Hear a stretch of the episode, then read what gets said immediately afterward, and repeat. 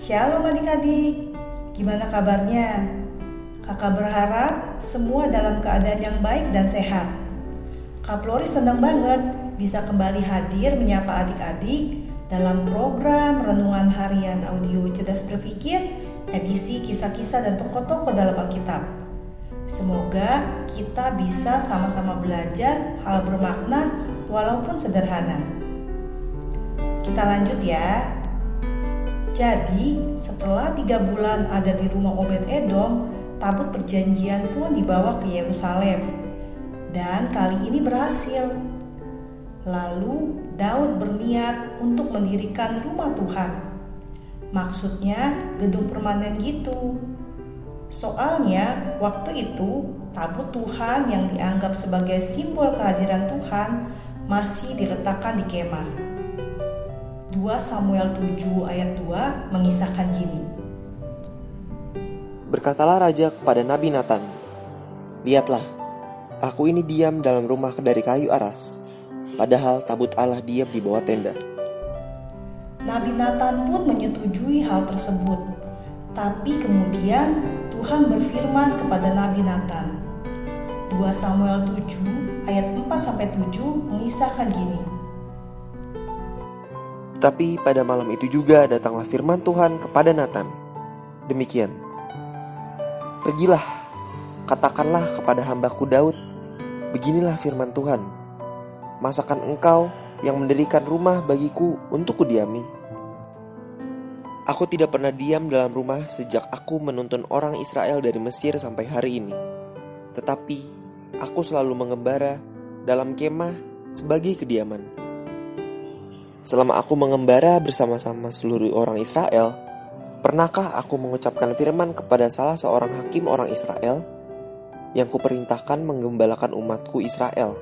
Demikian, mengapa kamu tidak mendirikan bagiku rumah dari kayu aras? Kemudian singkatnya Tuhan bilang gini dalam 2 Samuel 7 ayat 12 sampai 13. Apabila umurmu sudah genap dan engkau telah mendapat perhentian bersama-sama dengan nenek moyangmu, maka aku akan membangkitkan keturunanmu yang kemudian anak kandungmu dan aku akan mengokohkan kerajaannya. Dialah yang akan mendirikan rumah bagi namaku dan aku akan mengokohkan takhta kerajaannya untuk selama-lamanya. Jadi intinya Daud berniat mendirikan rumah bagi Tuhan dan Tuhan bilang bahwa anaknya kelaklah yang akan mendirikannya. Ini menarik banget. Gini adik-adik, Tuhan itu maha besar, walaupun kita tidak lihat Tuhan. Dia menaungi luasnya alam semesta. Dia tidak perlu sebuah rumah atau tempat bernaung, karena seluruh alam semesta inilah rumahnya. Dan kayaknya Daud tahu tentang hal itu. Soalnya dalam Mazmur 145 ayat 3, Daud bilang gini, Besarlah Tuhan dan sangat terpuji, dan kebesarannya tidak terduga. Loh, Kak, kalau Daud tahu kenapa dia masih berniat mendirikan rumah bagi Tuhan? Apa nggak aneh, Kak? Hmm, ya enggak. Soalnya itulah cara Daud mengasihi Tuhan. Istilahnya nih, itu adalah ekspresi mengasihi Tuhan di dalam keterbatasannya sebagai manusia.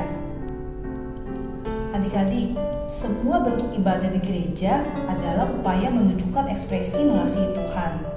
Memberikan uang persembahan untuk Tuhan misalnya. Itu bisa berupa persembahan kolekte, persepuluhan, dan yang lainnya. Memangnya Tuhan semiskin itu sampai-sampai kita harus kasih-kasih uang untuk Tuhan? Kan enggak. Alam semesta ini adalah milik Tuhan. Dia maha kaya, jadi, memberikan uang persembahan diadakan sebagai ekspresi mengasihi Tuhan. Itu adalah bentuk kerelaan memberi diri untuk Tuhan. Lagian, persembahan uang tersebut kan akan digunakan untuk keperluan operasional gereja, kegiatan sosial keagamaan, atau kegiatan sosial lainnya. Iya kan? Oh iya, soal kerelaan memberi diri Roma 12 ayat 1 bilang gini. Karena itu, Saudara-saudara, demi kemurahan Allah, aku menasihatkan kamu supaya kamu mempersembahkan tubuhmu sebagai persembahan yang hidup, yang kudus, dan yang berkenan kepada Allah. Itu adalah ibadahmu yang sejati. Jadi, gampangnya gini: memberikan uang persembahan adalah latihan untuk memberikan diri kita sebagai persembahan yang hidup bagi Tuhan.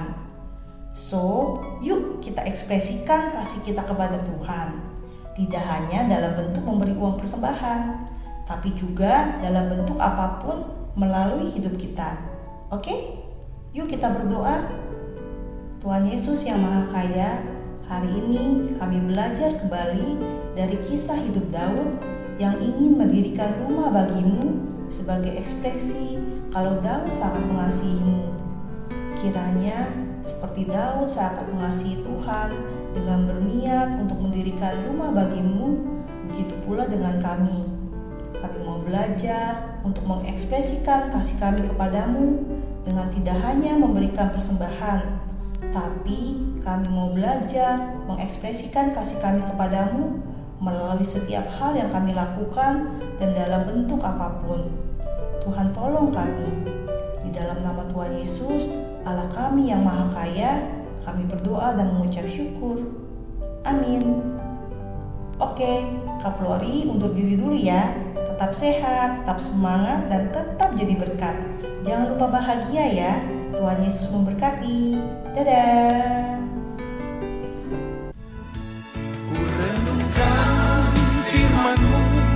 Siang dan malam Ku pegang perintah-Mu dan ku lakukan. Engkau tahu ya Tuhan tujuan hidupku hanya